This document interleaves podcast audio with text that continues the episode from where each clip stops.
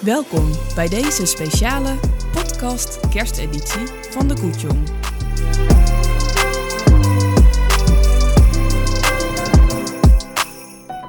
De lokale politiek door de ogen en oren van Wim Timmermans.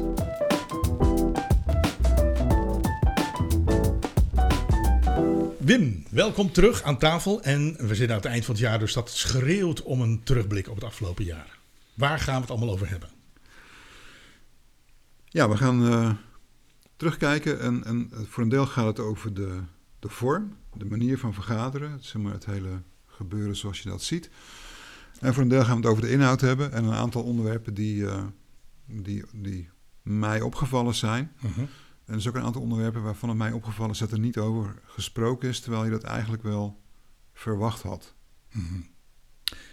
Oké, nou laten we nou eerst maar eens eh, gaan naar de, naar de vorm. Hoe zag het eruit? Ik bedoel, corona-proof. Ja, nou, Wat viel op? Geweldig zag het eruit. Ik heb eh, uren zitten kijken naar een scherm met eh, allemaal vierkantjes met hoofden erin. Ja. En ja, met, soms hadden ze braaf een microfoon uit. En soms ook als ze aan het woord waren, dat werkte dan niet. En soms hadden ze een microfoon aan en dan zag je iemand zijn zoon binnenkomen die, die iets met Chinese eten wou. Of je zag eh, iemand anders die zat in zijn neus te peuteren, was vergeten zijn haar te kammen. Eh, sommige mensen hebben dan een standaard achtergrond, is een beetje saai, maar het is ook wel handig als je af en toe die rotzooi bij, eh, bij sommige andere mensen ziet, of dat zolderkamertje. Misschien een beetje mediatraining. Aan de andere kant is het ook wel leuk om, om ook weer de mensen achter eh, de politicus eh, op die manier eh, even te zien. Maar het ziet er niet altijd florisant uit. Nee, maar het zijn natuurlijk wel de lokale volksvertegenwoordigers. hè. Het is niet gelikt met Hilversum trainingen in de rug. Mm, Nee, nee, dus dat moeten ze misschien ook helemaal niet doen. Maar Sommige mensen waren je- trouwens ook niet amper in beeld. Hè? Ik, ik zag van een van hen zie je zo net de achterkant en één stukje oor zo. Dan. Ja, je hebt ook van die flashlights in het disco soms. Als iemand precies op een bepaalde afstand zit, dan zie je de hele tijd aan, uit, aan, uit, aan, uit. En dan denk ik, ik weet niet wat je wil of wat je zit te seinen, maar eh, ja, Ja. Dat, dat zie je ook. En ik weet dat de Griffie haar stinkende best heeft gedaan. Dus daar ligt het absoluut niet aan. Iedere keer krijgen ze bij de uitnodiging de opmerkingen. Let op, zorg daarvoor, doe dit. Weet dat je in beeld bent. Enfin, Ja, maar als raadslid ra- luister je daar niet naar. nee, natuurlijk niet. Nou, het tweede wat, wat opviel was dat, dat die vergaderingen wel heel erg lang duren. Ik bedoel, ehm, Dit jaar zeker. ik heb wel eens, ehm, ja, soms dan, dan kan je niet en denk je, nou, ik kijk de volgende avond even terug. Maar dat kan niet, want dan zit je in de live, live in het tweede gedeelte. Ja. Dus een vergadering die eh, in principe tot half elf zou moeten duren, die, die duurt rustig tot eh, half elf volgende dag. Wat je eigenlijk hebt als afspraak, is dat je, tenminste wat die raadsleden met elkaar hebben afgesproken dat ze zullen doen, is dat ze een, een, zeker een, een onderwerp wat heel erg leeft, dat ze dat in drie stappen afronden. Ja. Dat betekent dat ze eerst, en dat heet een beeldvormend, en dan, dan nodigen ze de mensen die het, waar het over gaat, en het kunnen inwoners zijn of het bestuur van een school of wat dan ook, die nodigen ze uit om met hun van gedachten te wisselen over dat onderwerp. Van hoe, hoe, hoe denken zij erover? Wat denken mensen van hun eigen dorp bijvoorbeeld, of hun eigen, hun eigen kruispunt of hun, hun eigen school? Ehm, en die vergadering is altijd strak om tien uur afgelopen. En dan wordt vaak ook een soort, er wordt heel veel gepraat, maar de conclusie wordt even snel afgeraffeld. En dat is heel gek, want ja, dat is toch juist het geluid vanuit de samenleving wat je als raad dan binnenkrijgt. Ja. Dan een week later of twee weken later, en als het heel gevoelig is een maand of twee maanden later, en als het heel gevoelig is nooit, komt er een opinierende vergadering. En dan zitten die raadsleden met elkaar te kijken van nou, wat, wat, wat vinden we eigenlijk daarvan? Maar dan zie je toch heel vaak dat er nog een keer gekeken wordt, nog een keer gevraagd wordt van hoe zit het eigenlijk? Dus dan hebben ze zich eigenlijk niet voorbereid. Dus dan zitten ze heel lang te praten over hoe staan we erin, wat vinden we. En dan tekent zich vaak wel een meerderheid af, of juist een meerderheid voor een verandering van het voorstel of wat dan ook. Ehm, dat is dan de tweede vergadering, maar, maar daar gaat al heel veel tijd in zitten om nog een keer die eerste vergadering over, over te doen. En dan komt de officiële, de gemeenteraad, de raadsvergadering, De grote. het moment supreme. Daar moet dan gestemd worden. En dan zitten ze alles nog een keer over te doen. En dan zit je om eh, half twaalf of twaalf uur op je horloge te kijken van ja, ik moet morgen werken. En dat doen die raadsleden ook. Dus dan, dan dat hele systeem werkt niet. Het, er is te weinig tijd voor mensen om in te spreken, om mee te praten. En op het moment dat er gewoon gezegd moet worden, ik ben voor of tegen, zitten mensen daar nog een uur over te kletsen, die raadsleden met elkaar. Ja, en dan ben je dus avonden bezig. En ik denk niet dat heel veel mensen daarvoor een lol naar gaan zitten kijken. Ja, en het laatste, als je, als je naar, naar de vorm kijkt, is uh, van ja, wie, wie zijn nou al die raadsleden? En uh, wie, vooral wie zijn de burgerraadsleden? En dat, dat verandert razendsnel. Dus het gebeurt regelmatig dat ik zit te kijken en denk van wie is dit? En dan blijkt hij vorige week als uh, nieuw burgerraadslid geïnstalleerd te zijn. Dus dat is een lid van de partij, die ook op de lijst gestaan heeft meestal. Mhm. En die kan in die eerste twee vergaderingen, volgens mij de beeldvormende en de opinierende Ja. vergadering, kan, kunnen die meepraten. Ja.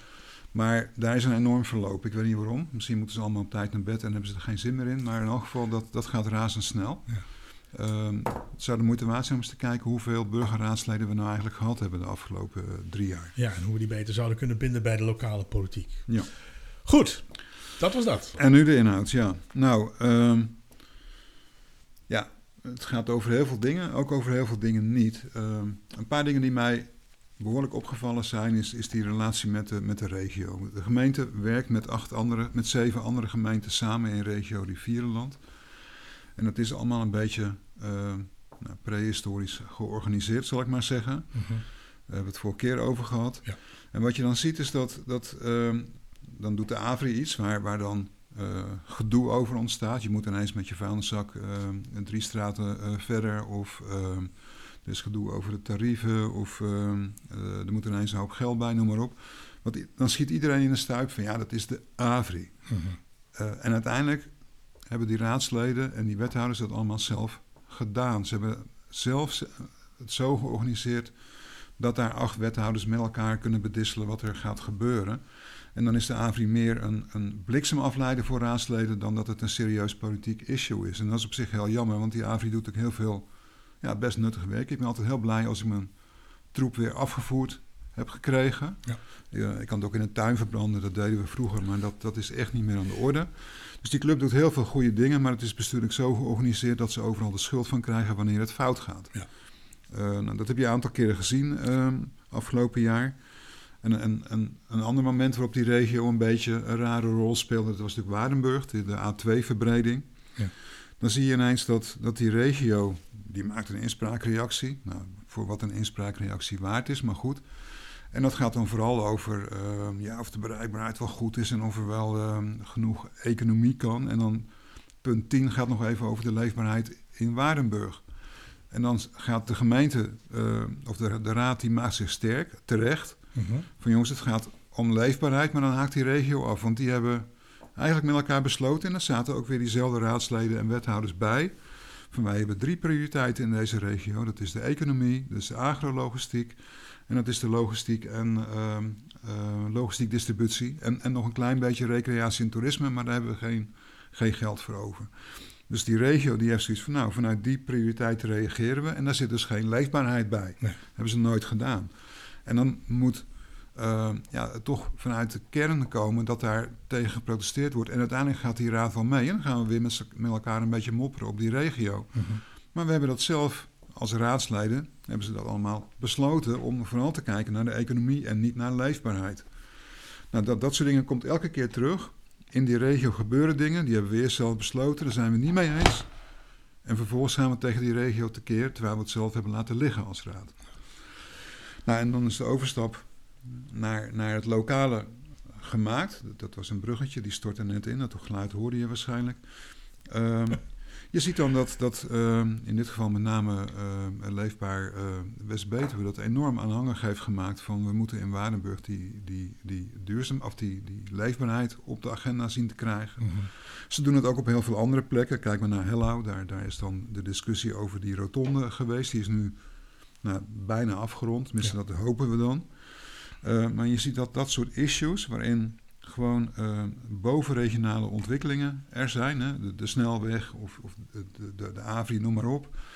Daar komt dat lokale belang wel eens in het, in het gedrang. En dan, komt, dan, dan gaan mensen daartegen in opstand komen en dan komt het op de agenda en dan komt het in de raad. Mhm. Ehm, en een pedant daarvan is ook, ehm, dat is dan de, de, de, niet zozeer de reactieve kant, maar een poging om die dorpen wat meer te vertellen te geven. Dat zijn de dorpsplannen die we nu langzamerhand eh, overal zien komen. Ja. Ehm, daar, daar wordt dan eigenlijk heel structureel gekeken van kunnen we, kunnen we de burgers, kunnen we de inwoners van een dorp meer betrekken bij wat er in hun dorp gebeurt. Dat zijn voor mij een beetje de dingen die inhoudelijk heel erg spelen. Dus regio versus lokaal. Waarbij we die regio heel erg op de economie hebben gezet. Terwijl de mensen hier uh, wonen omdat het zo'n mooie, rustige, lekkere omgeving is. Ja. Waar ging het niet over afgelopen jaar? Ja, over heel veel dingen. Uh, ik had zelf verwacht, naar aanleiding van, uh, van het bidboek, dat het enorm over woningbouw zou gaan. Want uh, er is natuurlijk uitgebreid beloofd aan allerlei dorpen dat daar woningen zouden worden gebouwd, ook voor, juist voor de lokale inwoners. En niet omdat we nou een hekel hebben aan mensen van buiten, maar omdat er gewoon in, in de dorpen behoefte is aan woningen van mensen die bij hun eigen familie in de buurt willen blijven wonen. Of het nou jongeren zijn of ouderen. Mhm. Maar dat, dat heeft vanaf het begin heel erg op de agenda gestaan. Ik heb er eigenlijk heel weinig over gehoord. Ik heb wel wat, wat vergaderingen gezien en dat ging dan over, eh, ja, we kunnen heel veel woningen bouwen. En de provincie die steunt ons nou, maar dat bleek dan vooral te gaan over woningen die voor de overloop van de Randstad bedoeld zijn. En daar is op zich niks mis mee. Maar wat we al jarenlang vergeten hier, is dat ook die mensen die hier komen wonen van buiten de Randstad, als hun kinderen zeggen, hé, hey, we willen bij pa en ma in de buurt blijven wonen, dan kan dat gewoon niet. Ja. Nou, en die discussie die zat in het bidboek. En hier en daar wordt er wel wat gebouwd en gedaan, maar ik heb niet het gevoel dat dat nou heel erg hard loopt. Dat is, dat is een, een, één ding. Ja. En nog meer? Het tweede is uh, uh, ja, toch de, ja, de glasvezel. Oh, ja. uh, ik zie overal, trouwens steeds minder, maar overal zie je van die oranje stukjes draad uit de grond komen. Eh, en dat kan zijn dat dat vooral hier in deze regio is, maar ik, ik zie het op platteland op verschillende plekken. Ja. En dat, dat steekt er echt best al wel een half jaar uit. En ik heb het gevoel van, op zich is het geweldig dat je als gemeente daarmee bezig bent met glasvezel.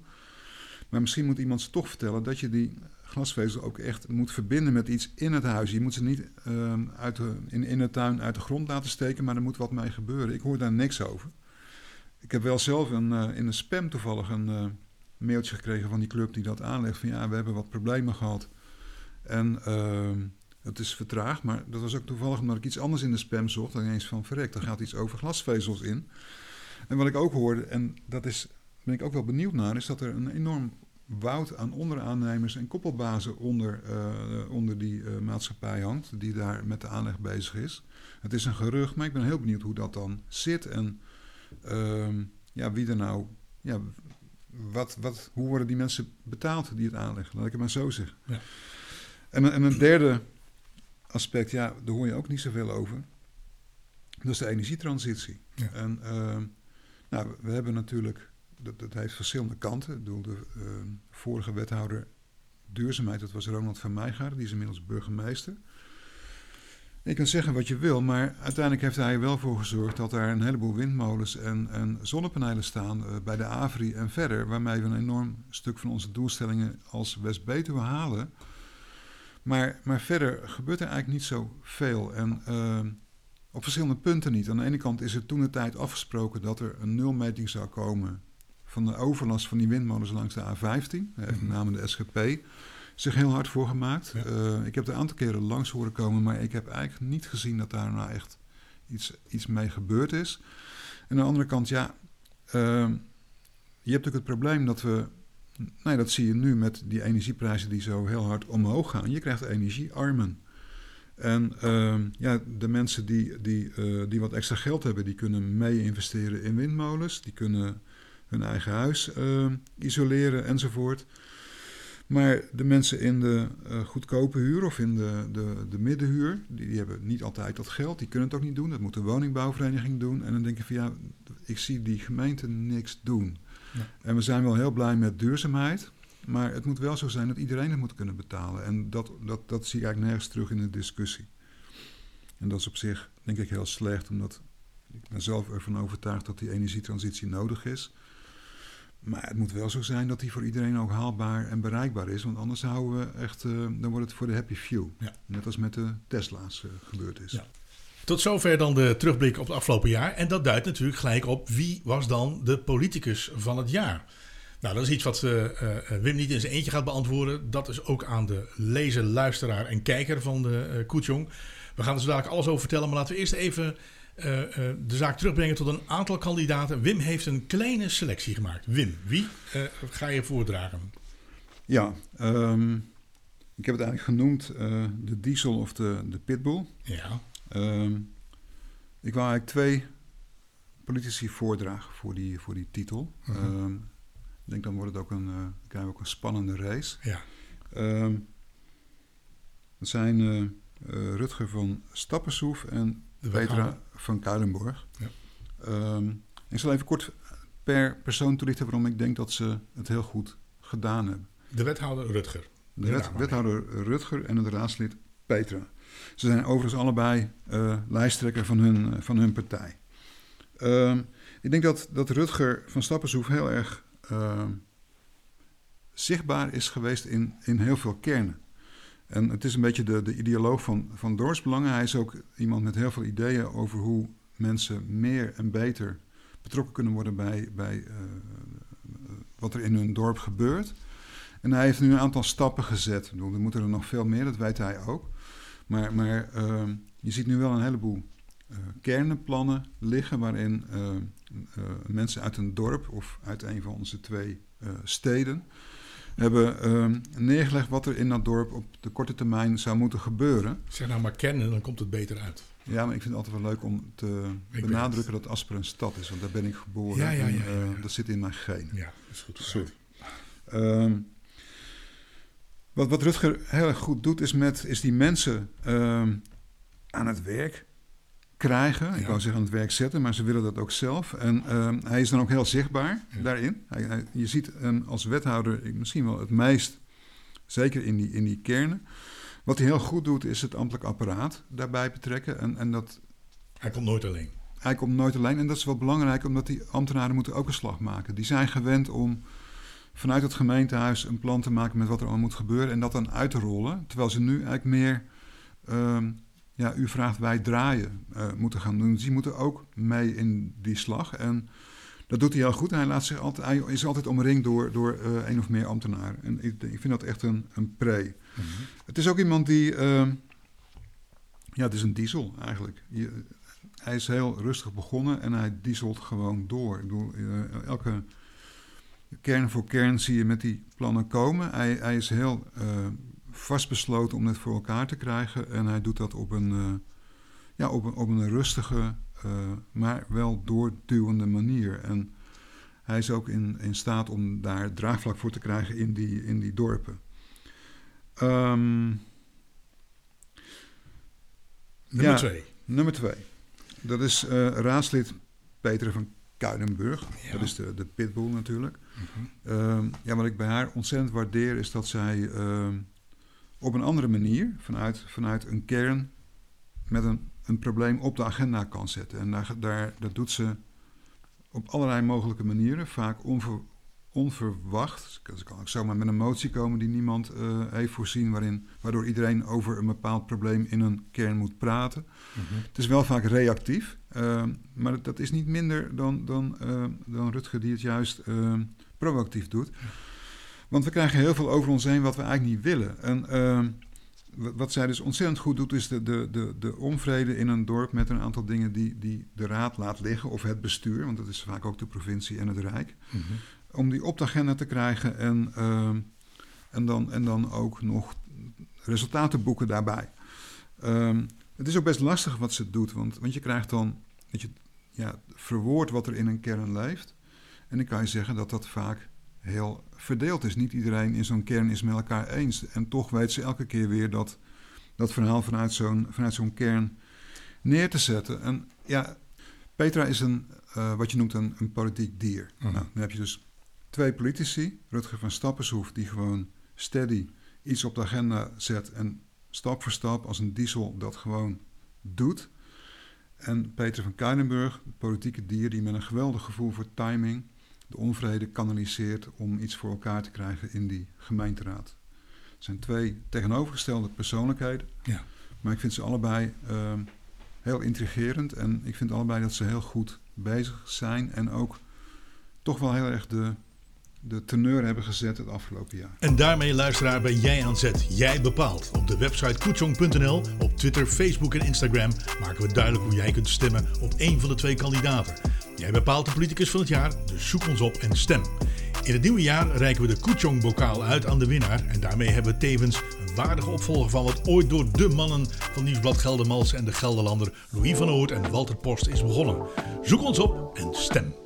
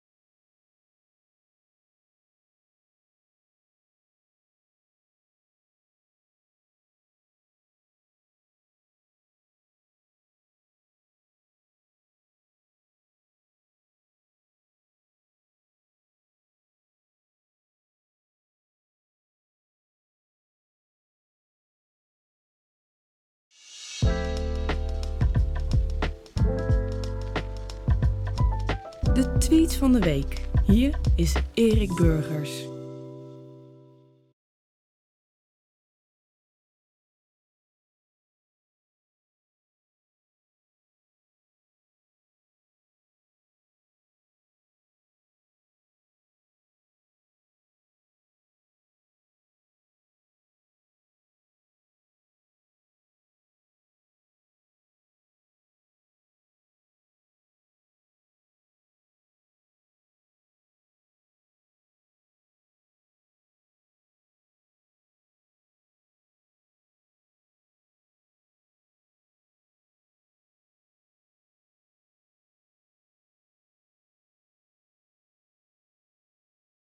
De tweet die het net niet haalde.